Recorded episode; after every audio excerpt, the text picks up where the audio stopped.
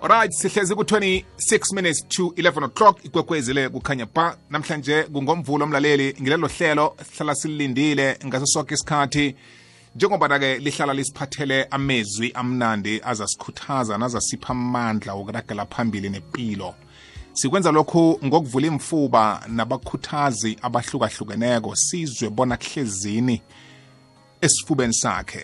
Njengoba-ke namhlanje ngikhambisana no-richard wakwarambawu ngikhuluma ngomtloli wencwadi ezingaphezu kwezihlanu nangikhumbula kuhle. Ngikhuluma ngomkhuthazi eh ngikhuluma ngomluleki ngikhuluma ngomdosi phambili wabantu abatsha. Namhlanje siyokhulumisa indaba eqakathekileko tough times never last. Ya isihloko sakhe sitsho njalo kutsho ukuthi ingikhathi ezibudisi angeze zasinamathela safuthi. Ya zakuhamba kuhamba nje silise. Ngabe ngakhumbula incwadi yaka Dr. Robert Schuller ya isihloko esithi tough times never last but tough people do. Eh angazi bona wakhe wayifunda incwadi leyo na? Ngezinye izincwadi lezo. Kodwa-ke namhlanje sicoca ngaleyo ukuthi ingikhathi ezibudisi angeze zahlala safuthi. Kuzokufika isikhathi lapha ziphela khona. Eh kuzafika isikhathi lapha sidlula khona. Abanye bethu siqalene nobudisi khulu njengoba nake amakhambo wethu aqundelisiwe nje. Eh singakwazi ukusikinyeka singakwazi ukuya lapha nalapha sisemakhaya sihlezi imali ayingeni akunakudla akwazi uhlanganise ini nani la ukhona kubudisi. Namhlanje sizokukhuluma nawe. Kesinye kesinye isikhathi impilo iyafuna ukuthi ikubeke ebujameni obuthileko ukuthi ukhujame kancane ukhubuyisa umkhumbulo kuhlale phasi ukhuphungula ibelo ogijima ngalo empilweni. Ubuyekeza izinto kabili ngaphambi kobana uthatha isiqundo. Kungakho kunengikhathi ezibudisi namhlanje sabe sikhuluma nawe. Angikwamukele rambawu ngikulotshise mfana omdala ngithokoza kukhulu kwamambala bona sihlangane sonke sibe sehlelweni. Akubonge mthombothi nomlaleli ekhaya. Isikhathi esiyihlelise kumele sikhulume sithi ukukhuthazana nje sibonisane ngempilo. Mhm. Mm, ngiyathemba ukuthi wena uright. Mfana omdala ngiphilile. Ngingaba ukuzwa ngakuwe ukuthi uphilile nawe? Hayi uzima usaziqinile siyabonga. Kwamambala siyathokoza. Singalotshisa nomlaleli ekhaya. Eh mlaleli ngiya- ngiya- ngiyakubulisa eh kule langa lanamhlanje ngifuna nje or ngicela nje ngiboleke indlebe yakho. Eh nginethemba lokuthi kule hlelo lanamhlanje uzo impilo yakho izovuseleleka and then u- u- uzokhona ukubona izinto nge- ngendlela e-different. Ngiyazi ukuthi sikhuluma ngesikhathi lesi esingekho right wonke umuntu uyakhala la ngaphandle siku-lockdown and this thing caught us by i-surprise besingacabanganga nje. So ngiyathemba ukuthi kule hlelo namhlanje lizothi maliphela and then uzoba uvuselelekile. Mm mm. Yazi rambawu ngaphambi kokuthi mhlambe singene esihlokweni sethu nehlelweni ngifuna ukuthatha isithombe kancane nje ngisilethe emkhumbulweni womlaleli nami nawe ukuthi kaningi na ungakafiki ebujameni obubudisi empilweni. Abantu nabakhuluma ngengikhathi ezibudisi awubezwa. Mm, mm. ya aw- aw- awubezwa. Uqabanga ukuthi ha laba sebemane bazicocela bakhambisa isikhathi. Kodwana nawukhe waba sebujameni obubudisi nawukhe wakhula kabuhlungu ukhula unganamanyathelo kuya esikolweni ubuye esikolweni kunganakudla ekhaya ubona umbelethi akho afuni ukukwenzela izinto kodwana angakhoni angazi ukuthi athathe ini ahlanganise nani. U- ufike ebujameni bokuthi uqothwe emsebenzini uphelelwe emsebenzi ufike e- e- ebujameni bokuthi ubhujelwe ulahlekelwe imbelethi eh namkhugule Ngi- ngizama ukubeka umlaleli ngiyam- ngiyam- ngiyamhlela ngiyamletha ukuthi naloyo ocabanga ukuthi mina ingikhathi ezibudisi angizizwa anginazo angizazi. Ungacabanga ukuthi angekhe zifike ngoba zifika ngendlela ezihlukahlukeneko. Namhlanje abanye bethu sisengikhathini ezibudisi zokuthi asikhona ukuya emsebenzini asikhona ukwenza litho sicalene nengogwana ye-coronavirus. Engiyo enza sibe sesikhathini esibudisi ngempilo mfana omdala ngaleyo ndlela ngiyakwamukela bengiqhisela nje kancane ngiyakuvumela bona ungaragela phambili. Eh Mthombothi ngiyabonga. Yazi eh, wa- wangikhumbuza enye into. Yabona ngesikhathi ngisakhula bengithi mangibona eh makushiniwe kuma neighbor or khona lapha kule village bengibuya kuyo yeah uthola abantu bakhala abantu banganamandla and then mina bengitshela ngithi ya yazini ah, laba bayatefa laba Yeah. Ah, laba bayatefa umuntu Yeah. wambili wambili ah. mina yabona makungenzeka kimi mina ngizomela indaba yami mm. eh mthombothi that has been my belief for some time until 2008 kuzoshona ubhuti wami lo bengidiphenda kuye Hmm.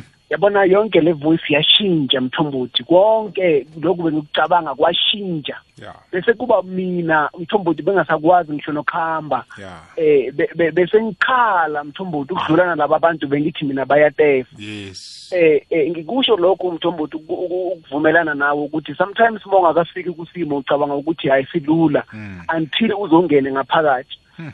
eh eh eh, ngi- ngithe mangiyibheka le ndaba eyamanje ye-lockdown ngathi uyabona manje kunabantu abaningi bebathi mabangena amashophu babhekela abantu phansi babona ikheshiya laphana bathi hayi laba bayahlupheka hayi, aba- abasebenza abama-shoprite abanamali abana-in-e Mm. but namhlanje ma ungachika isimo lesi esikuso ubona labo bantu labo babizwa ngama-essential Mm. thina besibachomela izolo sithi abanamali bayahlupheka sihlele ekhaya abanye bethu are not even getting full salary Mm. abanye we are retrenched Eish. So ngithi mangiyibheka ngathi uyabona lesi simo esikuso mthombothi? Sizo sizokhipha okuningi ngathi. Yeah. Lesi simo esikuso sizosifundisa ekuningi ngiyethemba lokuthi mase sidlulile soqala sibone impilo ngenye indlela ehlukile. Mm.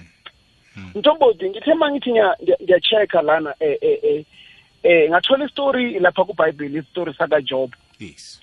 iBhayibheli lithi uJobo be bekuwumntana kaNkuluNkulu othembekile mm. eh eh limchaza kahle lithi benganaqala he was a blameless man Mm.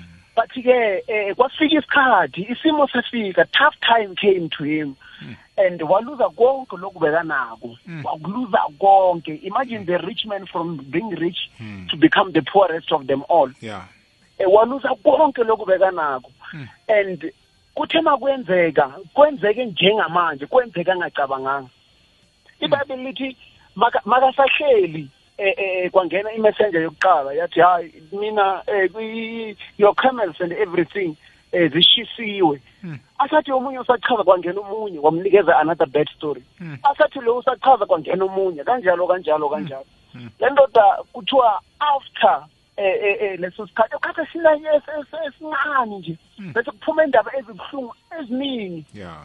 But le ndoda yathi hayi mina akho ngizokwenza. uNkulunkulu unikezile uNkulunkulu uthathile. Mm. manje namhlanje ngifuna si sibheke kulesi story sale ndoda ukuthi eh eh eh, sisenza kanjani or yini eh eh, eyenzakalayo uma i i- tough time ifika. Mm. mthombothi eh kungayenzeka ama tough time angafiki njenga ngaleya kaYob. Kungayenzeka i tough time mayifika uthola unomsebenzi mara still kube ne tough time enye Mm. kungayenzeka i tough i tough time mayifika ifike ngokuthi uluze umsebenzi kungayenzeka uluze isihlobo sakini kungayenzeka usathi eh eh eh wonke yonke into ihamba kahle emshadweni wami eh uthole sekuthiwa umshado manje uyabhidlika abasafuna ukuhlala nanke Mm. nepartner yakho Mm. manje ke zonke lezo zinto lezo those are tough times manje ke ngifuna sibheke ngalendlela eh eh mthumbuthi ukuthi yini enzakalayo uma umuntu afisa ama tough time i will be saying this from my experience mthumbuthi mhla impilo ingishayile strong ingishayile strong mthumbuthi ngiluza abantu abaningi eh bengibathemba ukuthi laba noma kanjani angeke bangishiye Mm.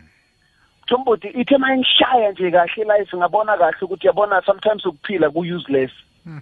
ukufa ku-useful Mm. now i want to give you five points.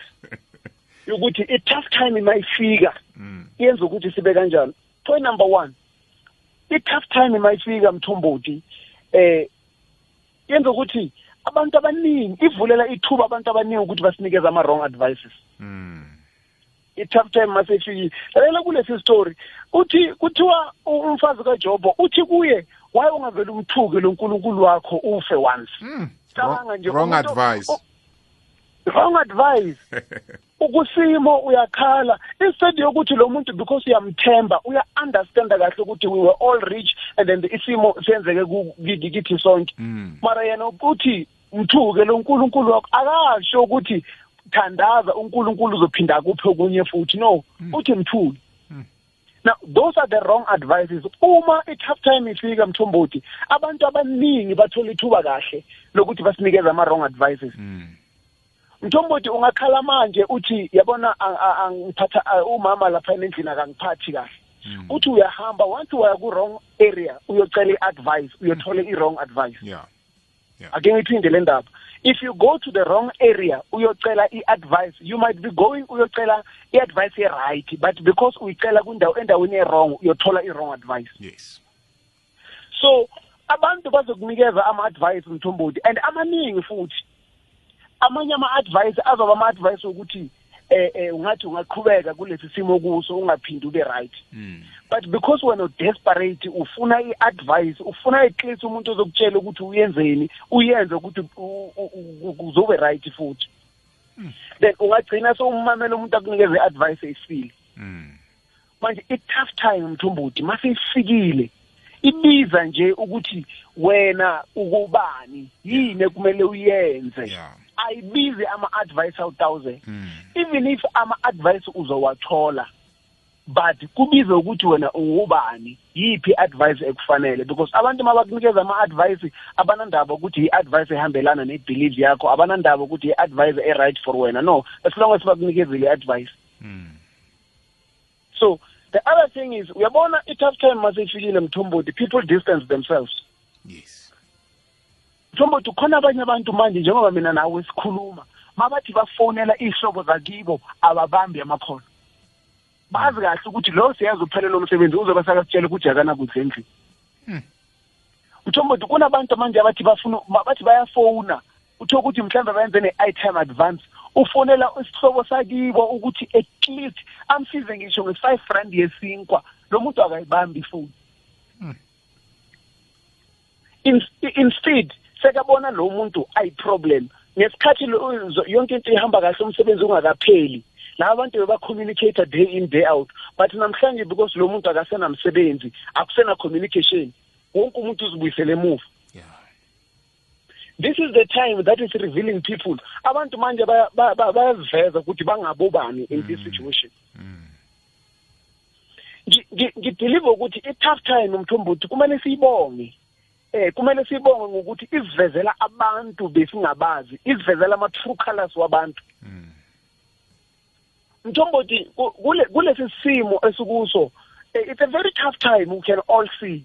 But do you know ukuthi kunabanye abantu abahleli nje bacompare nje isimo ukuthi ah mara mina ah, ngiya-understand ukuthi ngiyahlupheka mara kulo angifiki.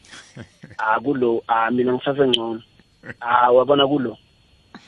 And then after that mase babona ukuthi ungathi bona bangcono kunawe babona kahle ukuthi akumele ube nawe babe nawe. Bakubheka bavele bathi hayi lo lo masingahamba naye lo eh sigcina sesihlupheka njengaye bathi sekafunani namhlanje? Ababona ifone call yakho bathi hayi khona namhlanje uzokufunana. Noma ufuna nje ukuba Mm. ukuba lochisa kuphela bathi sekafunani namhlanje?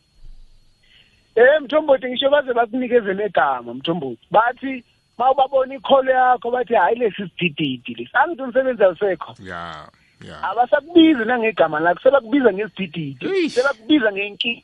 Yeah yeah eh eh, ngi- ngathi ngiyabona eh nihleli mthombothi endlini kungena ikholo akakhazini wakho.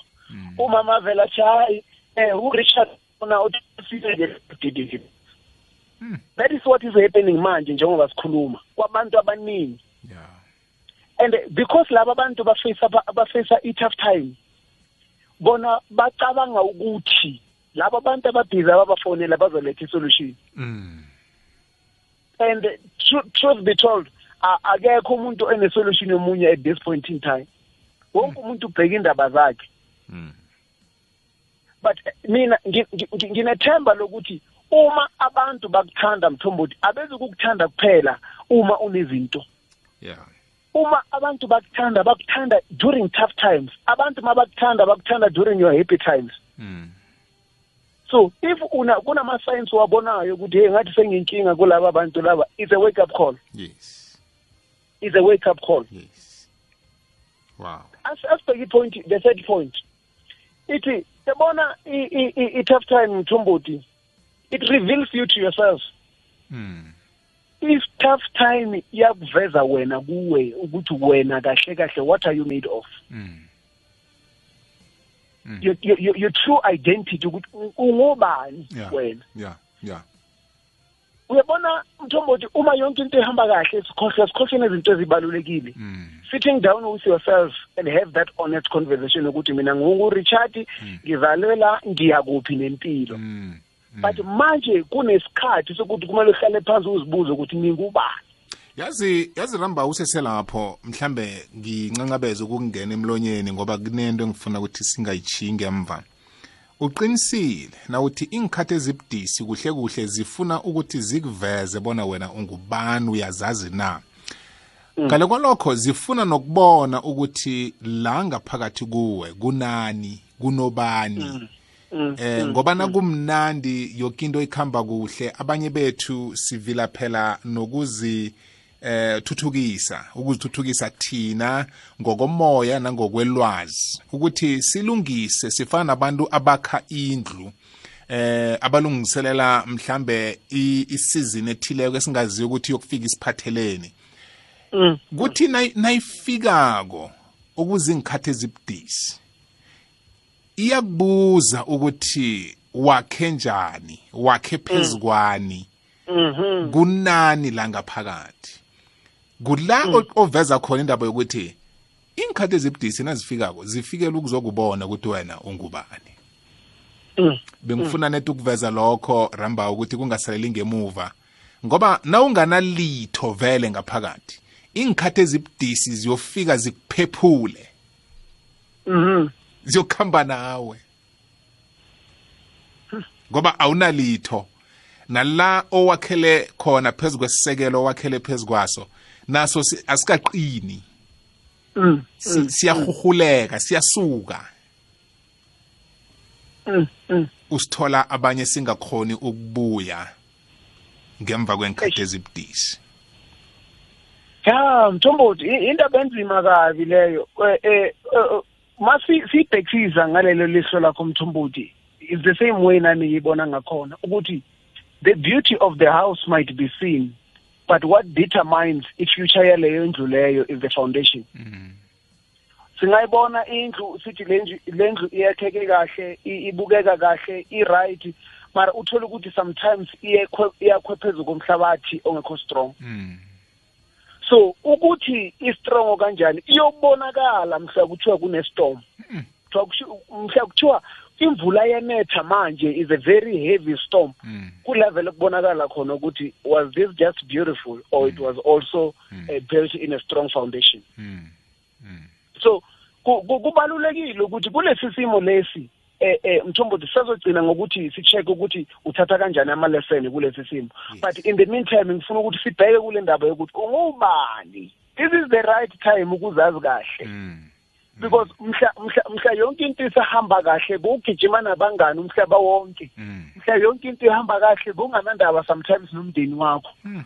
But manje abangani abekho wena uwe nomndeni manje nisokola nonke Yeah. abangani abanye banga- babizwa ngama-essential basesebhizi bayasebenza wona umsebenzi awukho awuphelile uhlele endlini Hmm. so this time kumele uhlale phansi nawe uzibuze kahle kahle ukuthi what am i made of Mm. ngakhwe kanjani kuphi and okubalulekile sisaselapho mthombothi ukuthi mase si ubhizi uyenza le nto leyo esibiza self introspection Mm. mase uzibuzisisa kahle. Don't be hard on yourself. Unga ungathathi izinto e- ezingekho necessary uzenze necessary enhlizweni yakho. Mm. because you will be doing that. Uhlala phansi uyazibuza kahle. For ukuthi utho- uthole ama answer not for ukuthi uziconvince ukuthi uthathe impilo yakho Yeah. Yeah. okubalulekile ukuthi thatha leli thuba utholisise ukuthi ungobani so that uma lesi simo siphila le tough time idlula ukhona ukwazi nawe ukuthi ngiphuma ngiphuma la ngiya la okwamanje ngenza ama mistake asona sona so in the past mara ukusuka manje ukuya phambili angeke ngisaphinde ngiwayenze Mm. Mm. so the other thing is uh, uh, uh, point number 4 Mthombothi is that esikhathini esiningi i-tough time mayifika thina sifocusa ku-problem asifocus kwe-solution.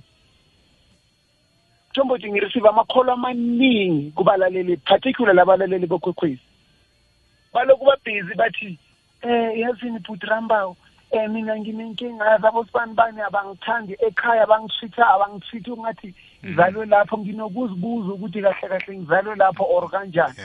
Uzibuze wena ukuthi lo muntu manje mazochaza isitori eside kangaka? Mm. yini yena la icabangayo masaceda ukuchaza leso story. Mm. ubuze ke ukuthi manje sisi ucabanga ukuthi ngizokwenza kanye athi angazi. Abazi abantu ukuthi bazoyenzani because i-tough time mayifika bafocusa ku-problem. Mm. abafocuse ku-situation. Yeah. I like the statement ngizosisho nje ngesingisi ngizositranslate eh, Mthombothi. There is this statement I like the most. Bathi when when the other door is closed the other one is open. Mm. but most of the time we don't see the opened door because we are focused on the closed door. Mm. so esikhathini esiningi eh, Mthombothi yeah eh uma umnyango omunye uvaleka mm.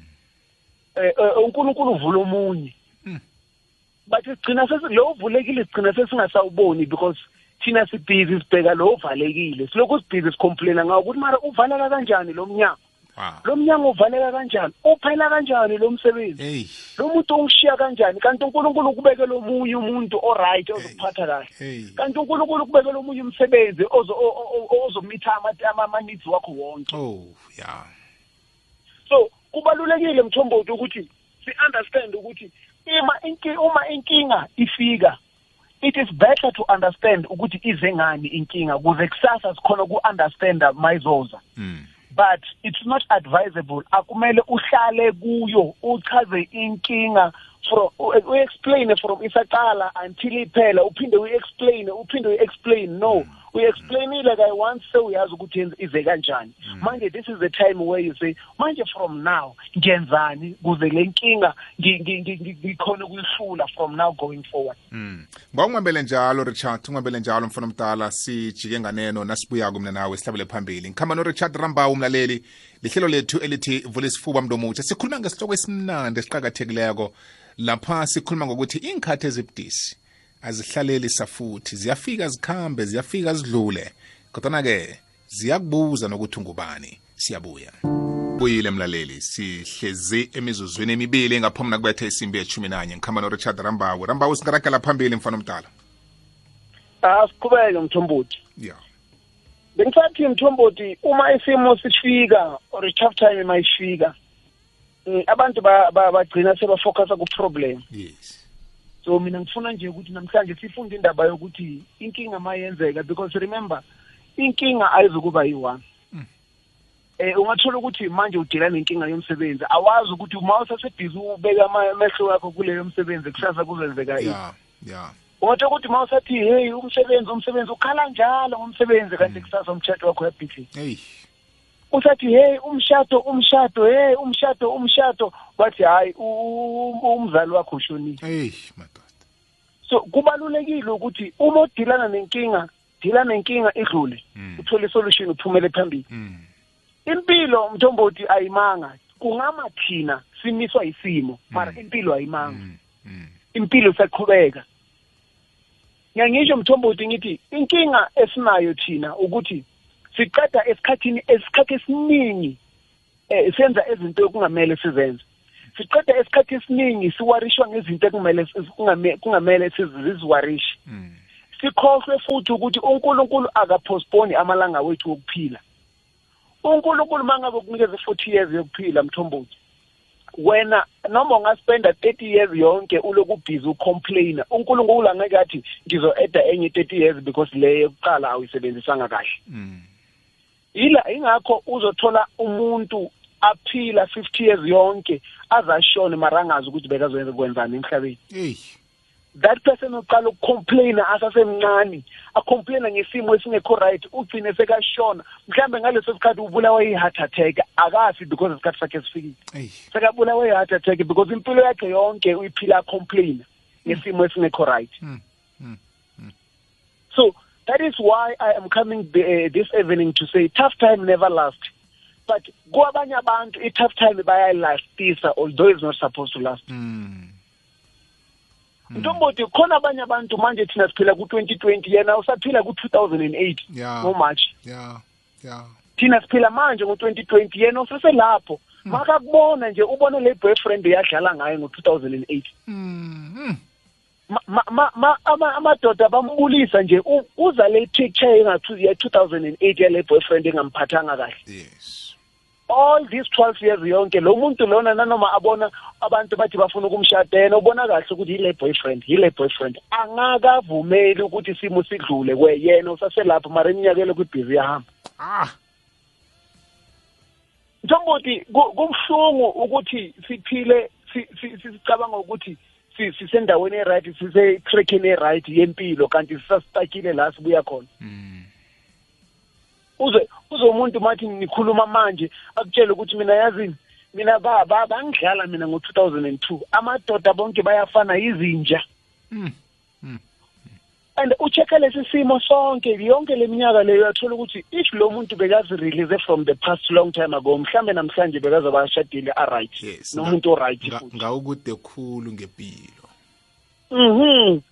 Mara because thina sifocusa ku-problem mthombothi sigcina si- singasaphumeleli empilweni. Ukufocusa ku-problem kuthatha i-future yakho kuyibeke ku-risk. Mm. Mm. so i-future yakho becomes a useless future. Because wena uthathe amehlo wakho wafocusa ku-problem Mm.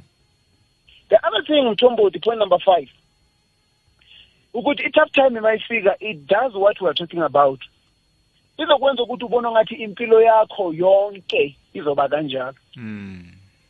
it takes a strong person to say mina impilo yami ayipheleli la Yeah. it takes umuntu o- o-strong yeah tough people yes. To say mina impilo yami angeke iphelele la. Mm. Mm. ngiyayibona i-lockdown but mina i see myself still owning my business after the lockdown. Yeah. Ifuna umuntu ozothi ngiyayibona i-lockdown manje izinto zinzima mara mina i still see myself going to work. Because i-tough time mayifika mthombothi I- I- ishintsha nje i-present pa- eh, i-presence yethu. Mm. mara ayishintshi i-future because i-future is- is still isezandleni zethu. Yeah. Yeah. Ngiyasaba mthombothi ukuphila nabantu abathi inkinga maseyifikile nabo bacabanga ukuthi sebafikile mm. Mm.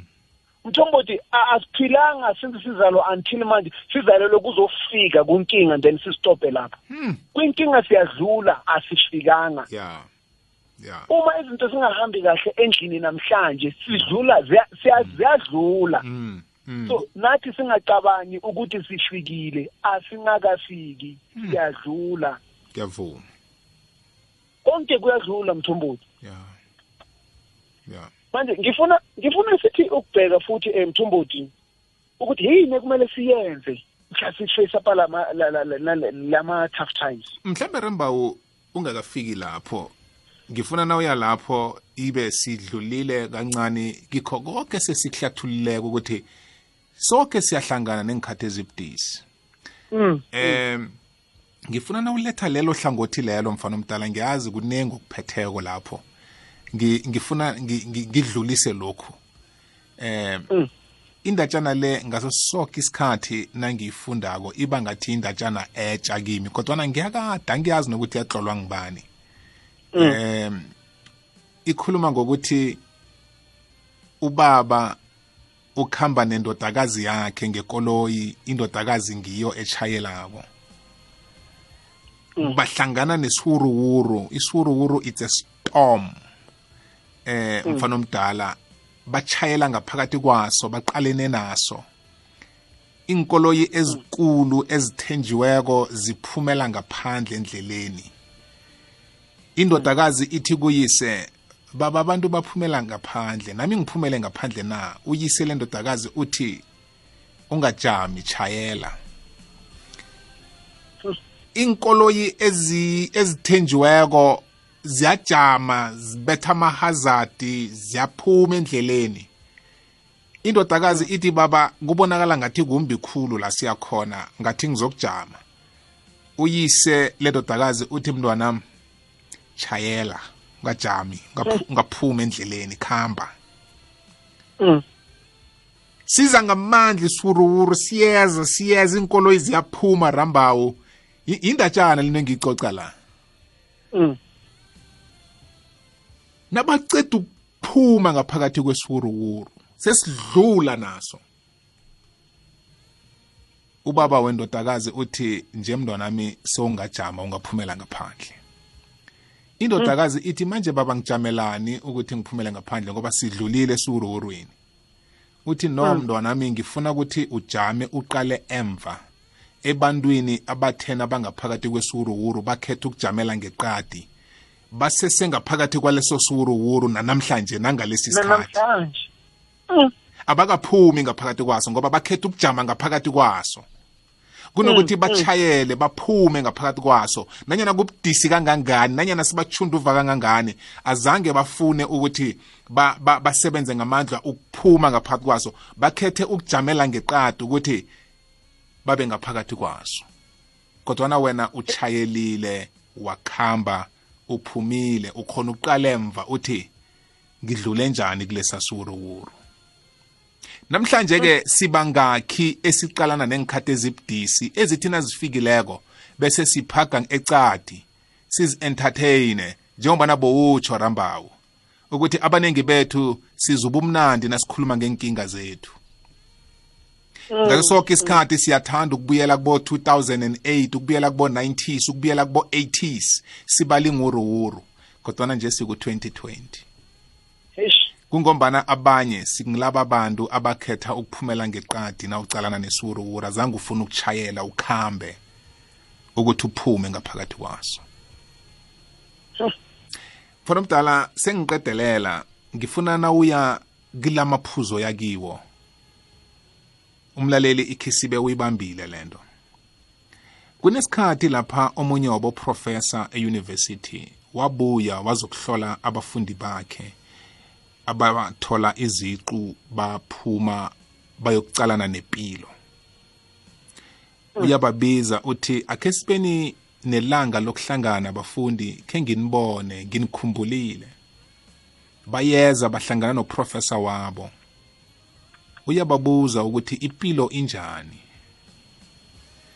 Baya bathoma ngokungongoyila ngoba baqalene nengikhathi ezibudisi. Omunye uthi soloko ngagraduate-ako eh, prof. Azange ngiwuthole nomsebenzi bekube namhlanje omunye uthi yazi prof umsebenzi ngiwutholile kodwana akusimsebenzi engiwuthandako. Omunye uthi ngiwutholile umsebenzi waphela ngadliwa ikoloyi ngadliwa indlu ngikhuluma nje angina next bonke bayacomplaina. Omunye uthi abangani bami bahlala endaweni ezithandwa ngibo bachayela inkoloyi abazithandako impilo imnandi. Omunye uthi soloko ngaphothulako bengitshela ukuthi ngizabe ngichadile nginabentwana ngihlala kwami akukenzeki. Babala zonke inkinga baqoqela uprofesa wabo. Mm. uprofesa uthi ngiyanizwa. Ngaphambi kobana sikhulume ngenisombululo njengoba sasiya enisombululweni mina nawe eh, rambawu. Mm. uthi kibo akhe siseleni ikofi uletha amakhaphu wekofi kuyabekwa etafuleni. Uthi omunye nomunye akazikhethela ikhaphu afuna ukusela ngalo. Bonke bakhetha amakhaphu amahle. Bekunekhaphu elilodwa elibharasileko eline-crack. Lithathwa nguprofesa lekhaphu eline-crack ngoba kusele lona. Mm. bathela ikofi bayasela. Uprofesa nakabaphendulako uthi bantwana bami kubani ophethe icup ene-crack la phakathi kwethu? Bathi nguwe prof. Uthi niyabona nonke nigijimele ukukhetha amakhaphu amahle nachiya ikhaphu eline-crack ngoba libonakala ngaphandle linama- linamabharasi lawo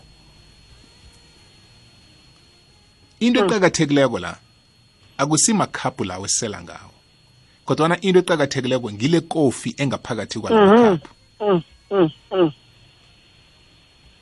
manje inkinga eniqalene nayo bantu bami kukuthi nifuna izinto zangaphandle nalisa izinto zangaphakathi. Ngoba lezi ezingaphakathi kungizo eziqakathekileko. Kungizo esizifunako. Kodwana zonke izinto enilila ngazo zizinto zangaphandle ezihlobisa impilo ukuthi uchatile unabentwana unekoloyi unomuzi omuhle uyasebenza. Konke lokho zizinto ezidecorata impilo kodwana nanoma unganazo izinto lezo namkha ungakazifinyeleli okusala kokuthi nawunepilo usesenamathuba ukuthi ungazifinyelela ngelinye ilanga. Into eqakathekileko Yeah. ukuthi uyaphila namhlanje. Yeah yeah. Mfana omdala ngiba ukuyibamba lapho ngibuye ngakuwe. Hey ah mthombothi story sokuqala mthombothi lese storm singibuyisa kwenye e- e- indaba ngayizwa eh, ngamaZulu bekhuluma. Ya. Bathi kumnyama kakhulu mase kuzosa yes. Mara ukuthi kumnyama akusho ukuthi after the darkness akusenako ukukhanya. Ah. Ukukhanya kuzoba khona and kukhona kuhleli ku-ready but inkinga ukuthi we do like laba abanye aba- abo abo driver bayenza ngakhona. Siyastaka lina thina kumnyama. Siyahlala kwi-storm. Sikhohle ukuthi i-storm naso siyadlula. Siyadlula. Hey.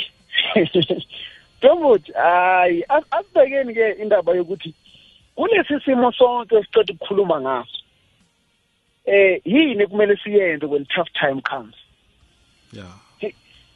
Into yokuqala mthombothi engifuna sibheke is that everything happens for a reason. Yes. Now point number one singakwenza konke singakwata singawa siphinde sivuke sikhale sisule inyembezi sikwenza konke mara singakhohlwa ukwenza le point number one to take the lessons. Ya. Konke okwenzakalayo mthombothi either endlini either estradeni either emsebenzini ungakhohlwa ukuthatha ama-lesson. Mm mm because okwamanje mthombothi eh ungathola ukuthi all along thina besingasave imali. Yes. All along sihlala sicabanga ukuthi isalary izohlala ikhona. Wow. Wow. Sicabanga ukuthi imali izohlala ikhona mthombothi. Mm engengithi ngithi especially thina Africans eh sihluhlwa ile nto yokuba ibiza month end syndrome mm yokuthi every day every day umuntu wenza isikoloto lokuthi ngizobhadala month end. Mm kwadlula umuntu ethetha we hayi ngiyayithatha ngizobhadala month end. Mm. Because i-month end ihleli la engqondweni yethu Eish. strong. eish eish. Manje ke yafika i-lockdown i-month end ayisalethi isalary njengoba iphelele. Mm kula vele manje we are exposed ukuthi thina besingasave all along. Ya besingathatha imfundo. Besingathatha imfundo all along. Ayi. Manje isikhathi manje sokuthi ke ithathe lemfundo le yokuthi unga ungaphili as if you own tomorrow. Ya. Ilanga lakusasa laziwa uNkulunkulu we don't own it. Mm but it is better to prepare for it. Hmm. mthombothi abantu abaseyivile all along baloku babhizi babeka imali baloku bathi hayi hayi this is for the emergency this is for the emergency. Namhlanje abakhali njengathi. Mm mm namhlanje they are just going back and say hayi kule mali bengiyibekile. Hayi at least if i- i- i- i-company yami izongipha i-half i-half ngizoyithatha kuma-savings wami. Impilo iqhubekela phambili. Yes. Yes. Bangaphakathi kwestorm kodwana bayakhamba. Yes yes. Istorm sikhona mara bamanga mthombothi. And lokho kwenziwe yini? Yi-plan. So okubalulekile manje ukuthi we, we asikublame for our, ukuthi awuplananga and awuyenzanga ama-savings Yes. but we are saying learn from this experience. Ya funda kulesi simo esikuso manje ukuthi i-lockdown mayiphela eda uyabuyela emsebenzini awubuyeli ucabange ukuthi isikhathi sokudla imali ungathi siku-competition siphelile. Mm because asazi ukuthi next year kuzenzakalani. We Ah. don't know the next five years what's gonna happen. Hey. Ibuhlungu indaba yokuthi namhlanje mthombothi udrive imoto in the next two months ibhenki irepossesse imoto yakho. Ya abomakhelwane wonke umuntu agcina sekahlekisa ngawe ngokuthi awubanga neplan. Mm so mina ngithi-ke ku- ku- ku- kumlaleli konke okwenzakalayo ungakhohlwa ukuthatha ama-lesson. Ama-lesson wathola wathola la ekutheni yini eyenzile lesi simo nkuso mm mase u-understandile ukuthi yini enzile lesi simo find out ukuthi yini ekumele ngiyithathe from lesi simo. Mm. if manje sikhuluma ngemali uyabona ukuthi lento yenziswe ngokuthi mina angisavanga kusho ukuthi lesson number one go and save. Yes. Go and reduce ama-credits wakho. Angithi thina Yeah. because because siyaqualifya. Mthombothi ngiyangisho ngithi abantu abaningi si-own izinto esingazi-affodi mm. Mm. we just qualified. Si-own izindlu lezi zindlu asizi-affodi we qualified. Because ukuqualifya noku-afforda izinto eziyi-two ezingafani yeah. Yeah. So this is the time where we have to go back and say hey angaze ngawenza umistake Mm. mara from manje ngiyokhatha iy'koloto zami. From manje ngizokwenza one two three ukuthi kuze ngibe nama-savings. yeah yeah Ba- bangaki abantwana manje phela lesi simo lesi asi-affectanga abazali kuphela. Cabanga nje abantwana laba bangena kwiy'kolo lezi esidurayo ezibhadalwa month end. Mm. ubaba or abazali sebakhathele isalari kusho ukuthi umntana manje angeke asaqhubeke nesikole Mm. so ngithi mina konke okwenzakalayo mthombothi i-tough time mayifika ungakhohlwa ukuthatha ama-lesson. Yes. Thatha imfundo from sonke simo ohlangana naso. It might be i-divorce mayifika thatha imfundo khona lapho. Yes. Yes. It might be ukuphela komsebenzi thatha i- i- ama-lesson khona lapho. Yes. La ma-lesson azenza ukuthi kusasa ube ukwazi ukuziprepara for esimo esizofa- esifana nalesi Mm. esikuso manje. Mm. Mm. point number two mthombothi. You must keep, keep your head up. Yeah. Khona manje siyanibonisa and siyambonisa umlaleli la mhlawumbe ahambe khona wrong. Mm. but asimbulali umlaleli sithi thatha imfundo ube ready futhi. Mm. keep on going. Mm. Mm. keep your head up. Keep your head up. Because asizukusolve iprobleme ngokulalisa ikhanda mthombothi lokubhiza ukhalo lokuthi yo ngaze ngayenza imistake. Awusolve inkinga ngokukhala yeah. Yeah. Vuka uzithathe. Uzithathe yeah ume futhi uqhubeke nempilo impilo ayimanga la. Njengoba ngisho ukuthi ukuthi isimo lesi esikuso sinzima kanjani ungami kuso. Don't stand in the storm. Don't stop in the storm. Because after this storm there is still life. Yeah so ngithi keep your head up mlaleli. Unga ungaloku ubhizi ukhala ungaloku ubhizi ucomplaina ungaloku ubhizi uzonda abantu ekungafanele. Abantu laba abangafuni ukukusiza namhlanje nabo bakufundisa imfundo. Ungabazondi. Yes. Ase point number 3 mthombothi. Don't focus on the tough time. Mm. mthombothi yabona isimo lesi esikuso ifuna nje si si- emphasize indaba yokuthi it caught us by surprise. Sonke besingazi ukuthi siyofika la. Yeah. Sonke besingazi ukuthi sizofika mara ke ukuthi besingazi akusho ukuthi asifikanga sifikile nanoma besingazi. Yes. But okubalulekile is that akumele sifocuse kakhulu ku-lockdown akumele sifocuse kakhulu komsebenzi kumele sifocuse kulezi mfundo esizosithatha manje ukuthi ukuze sisebenze zisebenze zisisize nathi ukuthi sikhona ukuqhubekela phambili. Yini ekumele siyenze? Mm. Mthombothi abantu abaningi eh, eh, aba- abakhuluma nami esikhathini esiningi laba abafisa ama-tough time mthombothi abantu bangakuchazela inkinga for three hours umuntu akutshela la izinto ezingahambi khona kahle. Yeah mara ahluleke ukuspenda one minute yokukutshela nje into eyi-one at ayifundile kulesi simo. Hey uzokutshela ukuthi yazi ngaze ngahlupheka ngaqala ukuhlupheka ngo-nineteenth bani bani Yeah. namanje ngisahlupheka Yeah. ngihlushwa ulo baba wasekhaya Yeah. ayenza one two three mara angeke aze kutshele nelangela one ukuthi uyabona makayenza so ngafunda so Yeah. makayenza so ngafunda so Yeah. makayenza so makayenza so ngafunda so yeah because thina mthombothi i-nature yethu ekumele siyishintshe uku-understanda ukuthi i-problem it's not the life it is part of the life mm. Inkinga kusiyimpilo iphathi Yes. yempilo. Yes. Manje Ingxenye. singathathi iphathi yempilo siyenze yona impilo to a point where sigcina sesiphila iproblem nathi. Wow. la sihamba khona sifuna wonke umuntu azizwele azizwele ubuhlungu. Wow. La sihamba khona a- mabasibulisa nje "Ah, sizokwenza njani? Nabo baba bahambile basishile ezindlini. Hey. Mawuhlangana nabantu nje wena uhlala ubatshela iy'nkinga zakho njalo ngathi uwe uwodwa unenkinga. Mm. So ungafocus ku-problem. Yes unenkinga unalo muntu oyi-one or abawu-two bathembayo ukhulume nabo ngalezi nkinga unazo mara ungahlali ku-problem Yes. phuma ku-problem yes i-problem eyenzakele uyibonile you are sure about it phuma kwi-problem mm. qhubekele phambili nempilo yeah Ntomboti ku-point number four la ngifuna ukuthi stick to your identity Mm. Ntomboti ake nginikeze i-example lana ngo- ngo- ngotata uNelson Mandela Mm. uNelson Mandela knew his identity Yeah. eh M- Mtomboti ngisho during tough times he never changed who he was Mm. ume lapho ngokuthi this is me ngilwela lokhu ngima nalokhu Mm. even inside the prison he kept on saying the same thing mina i am a freedom fighter i'm fighting for the freedom of black people Mm. ntomboti isimo akumele sikushintshe identity yakho Mm.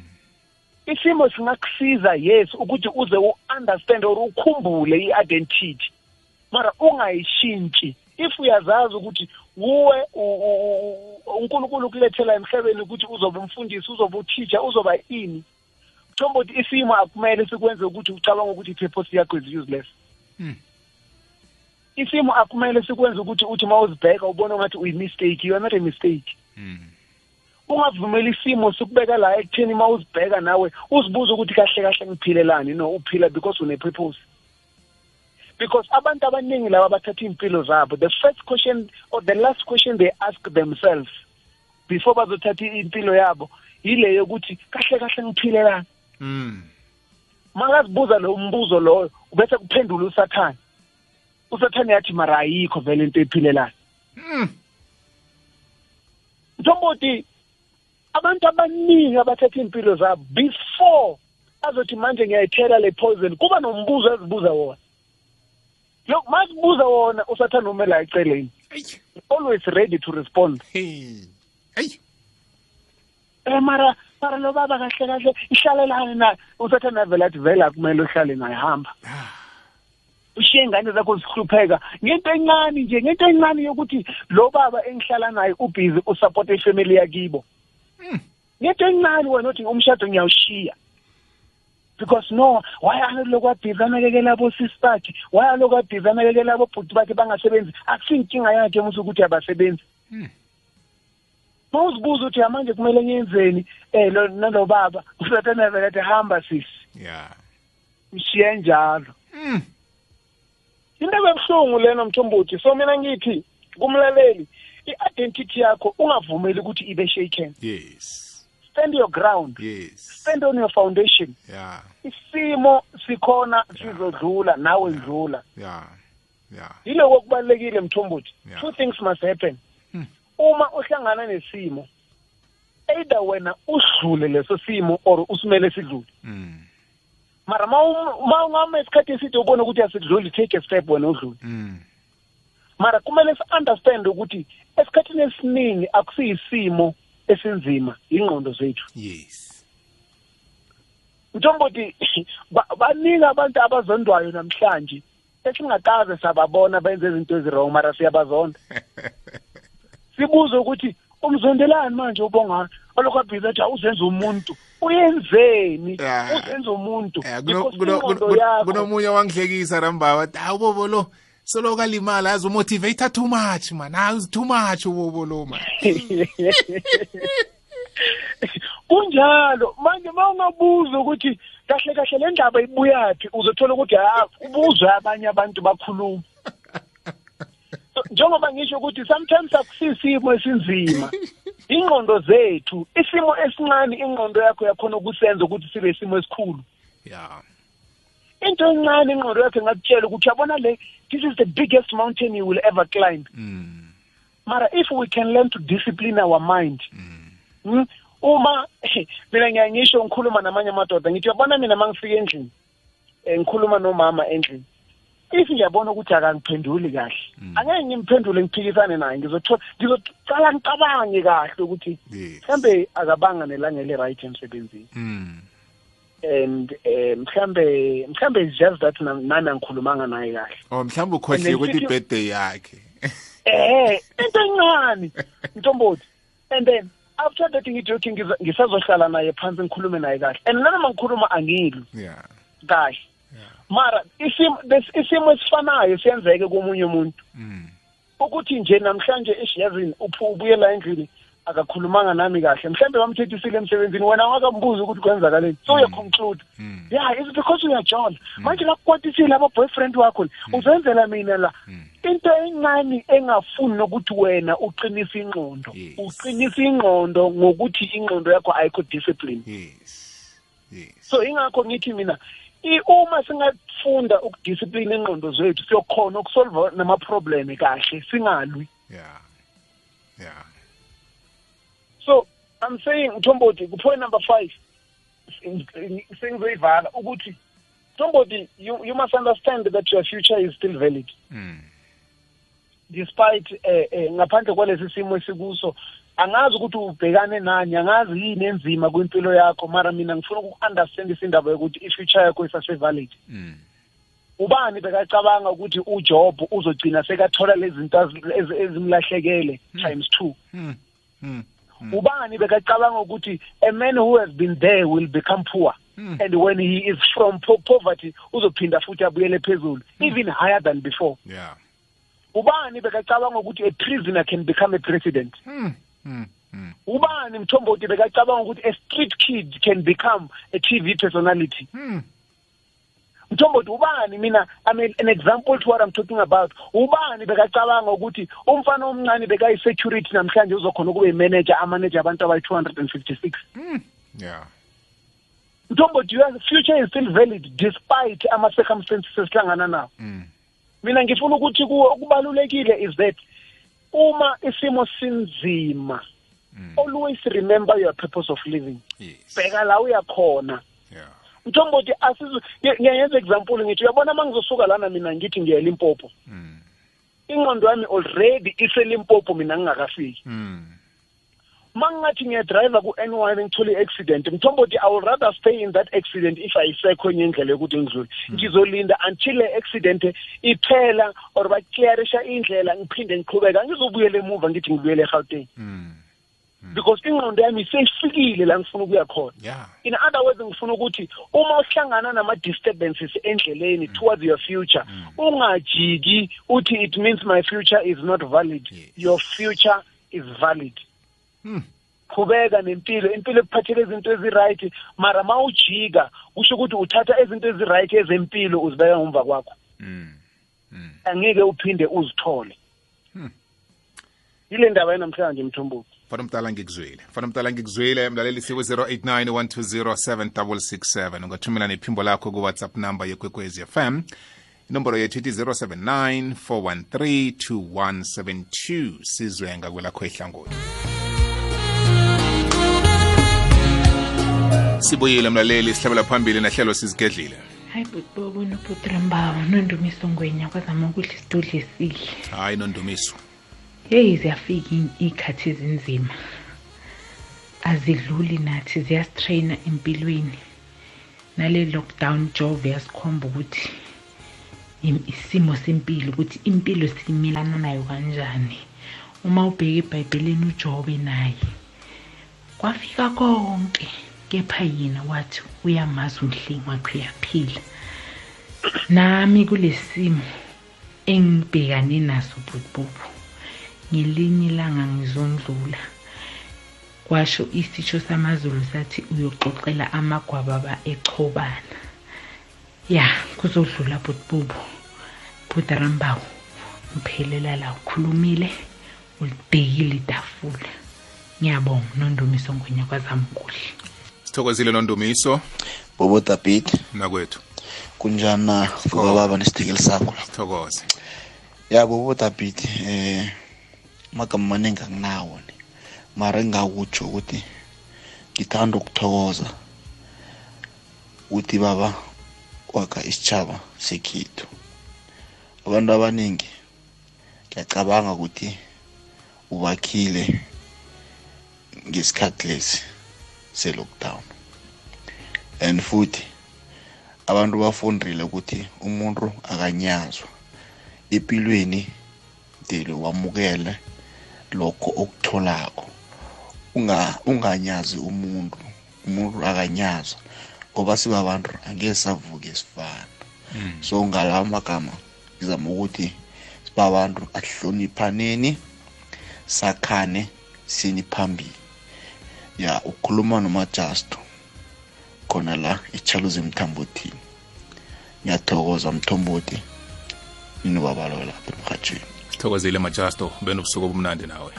Hey mina Butbobo indaba yama calls idepend ngami nomfowethu. Wahlala 5 years yonke acedile isikolo anga kungana plan ungana next ngadecide ukuthi kungcono ngimthathe ngimyise esikolweni akhona ukuthola ispan because mina ngazi noma ngicomplete i-matric ngaba nenhlanhla yokuthola umsebenzi in a year time.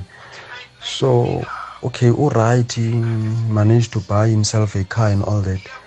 So idepend ukuthi kena like ngifind out ukuthi ngibe nenkinga ukuthi ngithole ukuthi umntwana nomntwana nentombazana okungasi nomntwana okungasiwami nenye intombazana find out ukuthi lo mntwana akusiwami okay anyway yangiphatha kabi le ndaba leyo. Then I, I tried to commit suicide but uh, it wasn't successful.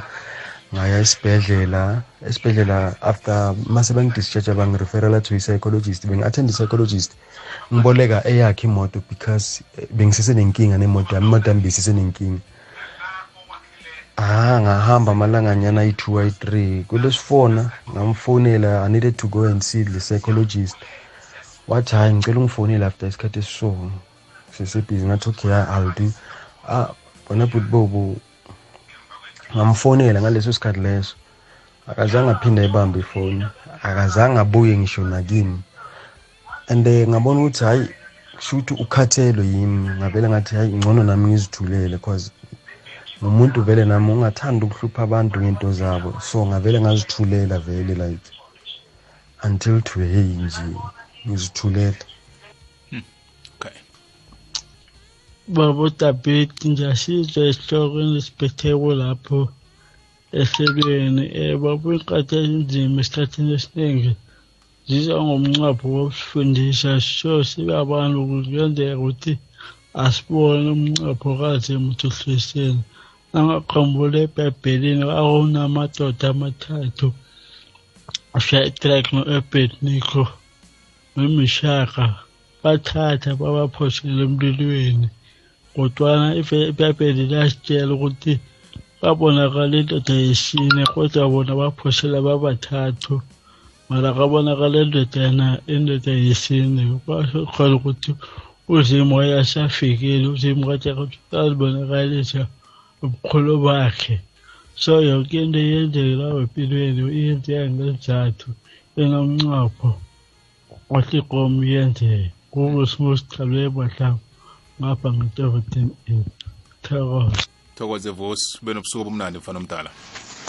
Ngelimi lokubolekwa yaye kuthiwe you will never know how strong you are until being strong is the only option that you have. Bobodabit nesithekeli sakho nginizwa kamnandi khulu kwamambala. Igama ngubrian udilegesi mthombeni ethemba lethu. Into engiyibonileko ngempilo bobodabit ukuthi ikinga ayisingilokhu thina esikubonako. Nalokhu esikubona njengekinga kunefihlo phezu kwekinga nofana ngaphakathi kwekinga esiyicalileko ikinga bobodabhithi ayisingilokhu esikubonako kodwana kunekinga le kufanele ukuthi siyirarulule phezu kwalezi nkinga ezikhona empilweni lokho kubona njengekinga kuyi-surface yini engaphakathi engaphakathi yi-victory eyokuvela ngale kinga lesele uyi-overcomile. Yes. Lokhu abantu abakwazi ungakho bakuhleke yindlela le oyokuphumelela ngayo nakusasa ebuyukukhumbula ngayo mm. from ikinga kuza isolution wow zibuze nakungeza ama-solution emaphilweni ethu before inkinga mm. ngubani oyosithatha serious mm. mde kuze ikinga ukuze ukhole ukufundela nakusasa na usaba ikinga awusabi ikinga kwaphela usaba impumelelo mm. because victory comes from struggle mm. injabulo ibuya from esimeni esingasimnandi.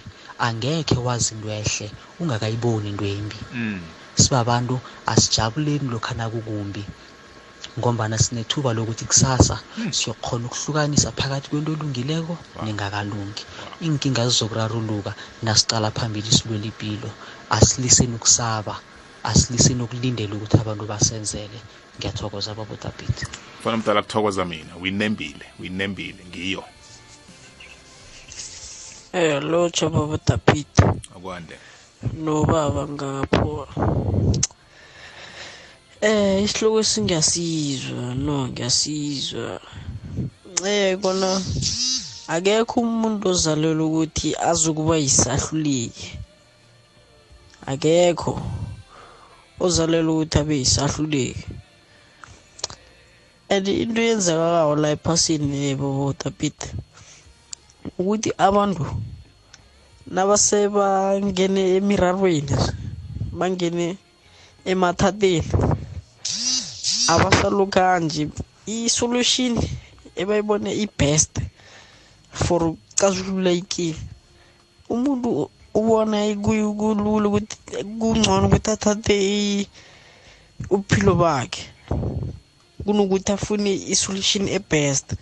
Yena ukuthi athathe ubuphilo bakhe ubona kuyi-solution e-best. Kunazo zonke and ayikho inkinga enganayo i-solution. Wonke amakinga anawo ama-solution. Into iyamotshwa yalungiswa. That is why bathi into imotshwa ngomlomo ilungisa ngomlomo. Nangezenzo uyakhona ukumosha ngezenzo ulungise ngezenzo. Into enye nenye ine ine-solution ine-solution yakhona. Ayikho into enganama-solution so abantu mina bayangirana basuke bathatha amaphilo abo bathi baya bayaziphungulela. Awuziphunguleli mos ungezelela abanye ama inkinga wenzela abanye inkinga. Ngiyathokoza bokutapita benginongezelela lapho babatshwe khona ngiyathokoza. Siyathokoza mna kwethu Hey, iramba uyazi sekuzeni amapholisa lapha abatsho ye yi-motivation namhlanje ba- abalaleli bayifuna le ngaphandle. Sekungene nobaba upholisa la istudio akumazi no no bapholisa so- sokukhuluma nawe ne. Yasokukhuluma sekufike nobaba upholisa namhlanje eh, ramba wasiragele phambili mlaleli. Lotsha buko into engizoyitshela abantu ukuthi isimo siyadlula bobo alolutolo ongadluliyo impilo impilo vele injalo. Kuloku ukuthi kuba mnandi kube lobunzima. Akulolutolo ongadluliyo thembelani kunkulunkulu. Yonke into iyadlula noma kanjani iyadlula noma isimo esinjani esinzima njani Yeah. yonke into iyadlula. Alolutolo ongadluliyo qiniso sithokoza sikuzwela sithatha omunye olandelako kodwa sizwe bona yena uthini. Ngithuba ngilotshisa ubungani jacob mtomboni kanye ngilotshisa noricharд arambawu um ngibonge inkosi ngapha ngispredio um ngiyasiza sihlukane isiphethe bafowethu namhlanje ebusuku. Le nto icala la ukuthi ungubani uhamba nabobani uwenzani ephasini ubekuduzeleni um iningi lethu abantu abatsha sithenyaza izinto ezinganalawulo phezu kwethu. Namhlanje umuntu une-stress ukuthi presburg bamenze ukuthi nokuthi in that situation owayifisa in that storm in that battle owayifisa what have you learned? Namhlanje siku-2020 loku sabambelele endaweni eyodwa. In every situation there is solution. So le nto kuhlala endaweni eyodwa esikhathini esiningi ngiye sibambezelelayo. Angithokoze bungani jacob nobaba richard lambawo ubonge inkosi ngapha ngespread view. Sithokoze sithokoze bonkosi. Mthombothi siyabonga kulelo hlelo okulo naleyo ndoda urambawo ukusuka manje sesiyabona ukuthi la siyakhona kumele sihambe sinethemba phakathi kwenhliziyo zethu ukuthi noma kanjani lesimo masindlula. Kumele kube nelesson esithathile leyo siyizwile kakhulu we have to take a lesson. Yes. Ukuthi sesihamba kanjani from now because nginethemba ukuthi masiyabantu zikhona into eziningi esiphila sisiphazamisa la empilweni zethu. Kodwa namhlanje sifundile ukuthi to be locked down simayi sivuleleka sichubeka nempilo futhi kabusha. Kumele sibe sine lesson siyazi ukuthi silungisa ini sicala kanjani. Siyabonga kakhulu Mr Rambaw God bless you. Uyasiza you save the nation. And kuwonke umuntu alalele ngiyathemba ukuthi naye ufundile kakhulu njengami. Siyabonga. Lo umanage siyabonga mthombothi. Kuthokoze thina manenje ube nobusuku obumnandi kuleyo ndawo leyo. Liciniso lelo ngifuna ukungezelela kancane eh, Mr Rambawu lapha umanager akhuluma khona ukuthi nasiphumako ngaphakathi kwale lockdown eh sichaphuluka sithoma sibuyele empilweni esesiyazi phambilini. Ingakhani imfundo ozithetheko? Usayokufuna ukuyokubuyela gode kwenzeni imichapho ebekade uyenza ngaphambi kokuthi sibanjwe i-lockdown? I-lifestyle obowuyiphila isikopilo obowunalo usawufuna ukubuyela kilo. Abanye phela bekuba abantu abadume ngokuthi yena ugqwalisa itafula la afike khona eh nje i-alcohol ivaliwe. Ufuna ukuthi nethi nakuthiwa sezivuliwe intolo ze-alcohol kube nguwo oyokuba ku-q egijimela ukuthi kuyokuphutshwana kuthengwe utshwala ufuna ukuzibona lapho na? Ngiyiphi lesson ozokuphuma iphethe so bengithi nje ngingezelele lapho. Imichapho ebowuyenza phambilini usafuna ukuyokubuyela kiyo ukuthi uyenze eh ikhisibe nje ku-lockdown awunathuba awukhoni nokuthi uzenze into ezo. Uyokuphuma unjani uyokuphuma ungubani? Isikhathi ngisho salako angithathe omunye emtatweni bese ngibuye ngakuwe mfana omdala sisebenze lokuyisonga ikwekwezi le siyakwamukela right ngathi kuthulile emtatweni akunabantu. Okay asibone bona singasonga ngobani ngapha. Abanye bagadangise ama-voice note amanye akuhamba kubo 8 minutes. Yeyi yano. Eh umuntu lotsho ukuthi uyayicoca indaba uyakhuluma twi eh uyafuna ukuyibeka kodwa ke imzuzu ayikhulumile kwele yamide khulu asinaso isikhathi singafika lapha. Sibone nangu. Yipilo mlaleli wekwekwezi FM lalela ubongani mthombothi nenithekeli zakhe njalo phakathi kweveke qobe ntambama. Inhlobo zabo ziyakha kukwekwezi FM bobo the beat no Mr Rambawu hey nginzwile madoda nibeka. Ngichazwa indaba yestorm. Uyabuza umntazana uthi baba ngijamelani ngoba sengidlulile estomini sesidlulile ngcono siphambili babakhe umtshela amagama amahle bobo uthi cala emuva. Laba bantu abajame estomini abajame kule istorm basesekiso thina sesidlulile isho ukuthi bobo kumele uphele ucala emuva ukuthi udlule njani endweni ezibukhali endweni ezinzima. Wazi uzokulelekisa abanye abantu. Bobo niyasakha kukwezi FM uyayithinda nayo Mr Rambawu ngoba uMandela wathi wayilwela impilo kwaze kwafika la afika khona ekugcineni. Azange ajama. Ma umuntu endleleni yazi nami nginenkinga efana naleyo.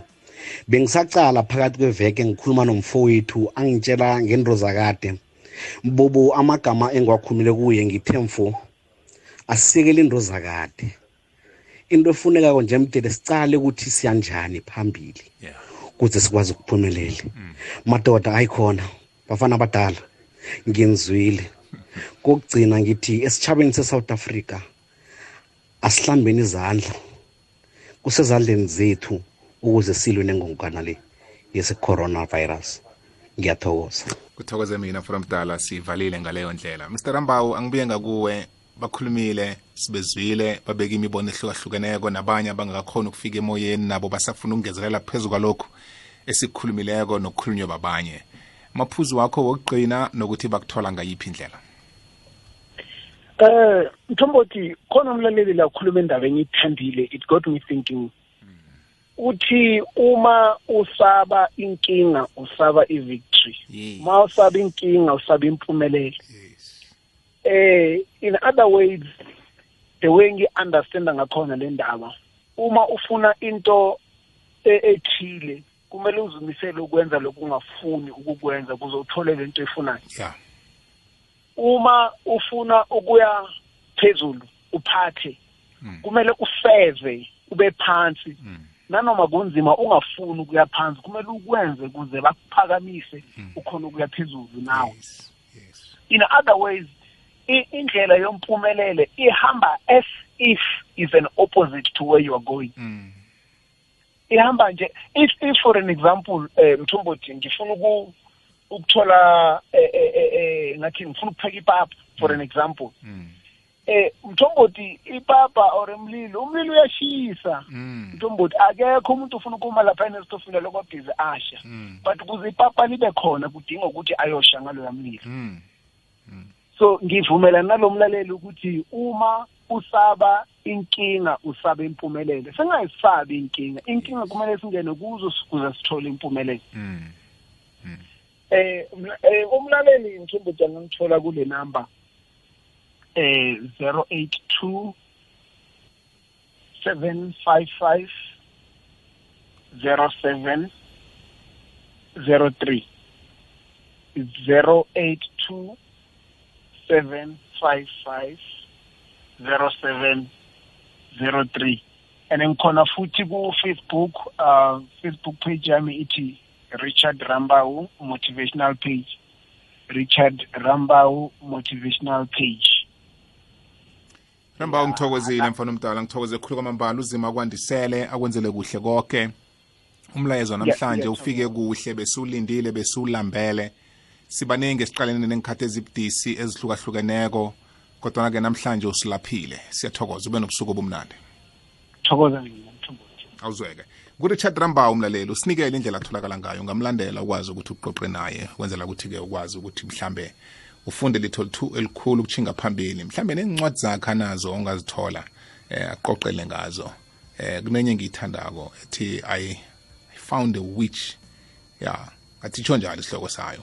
Ya eh umloyi uthi ngimbambile umloyi.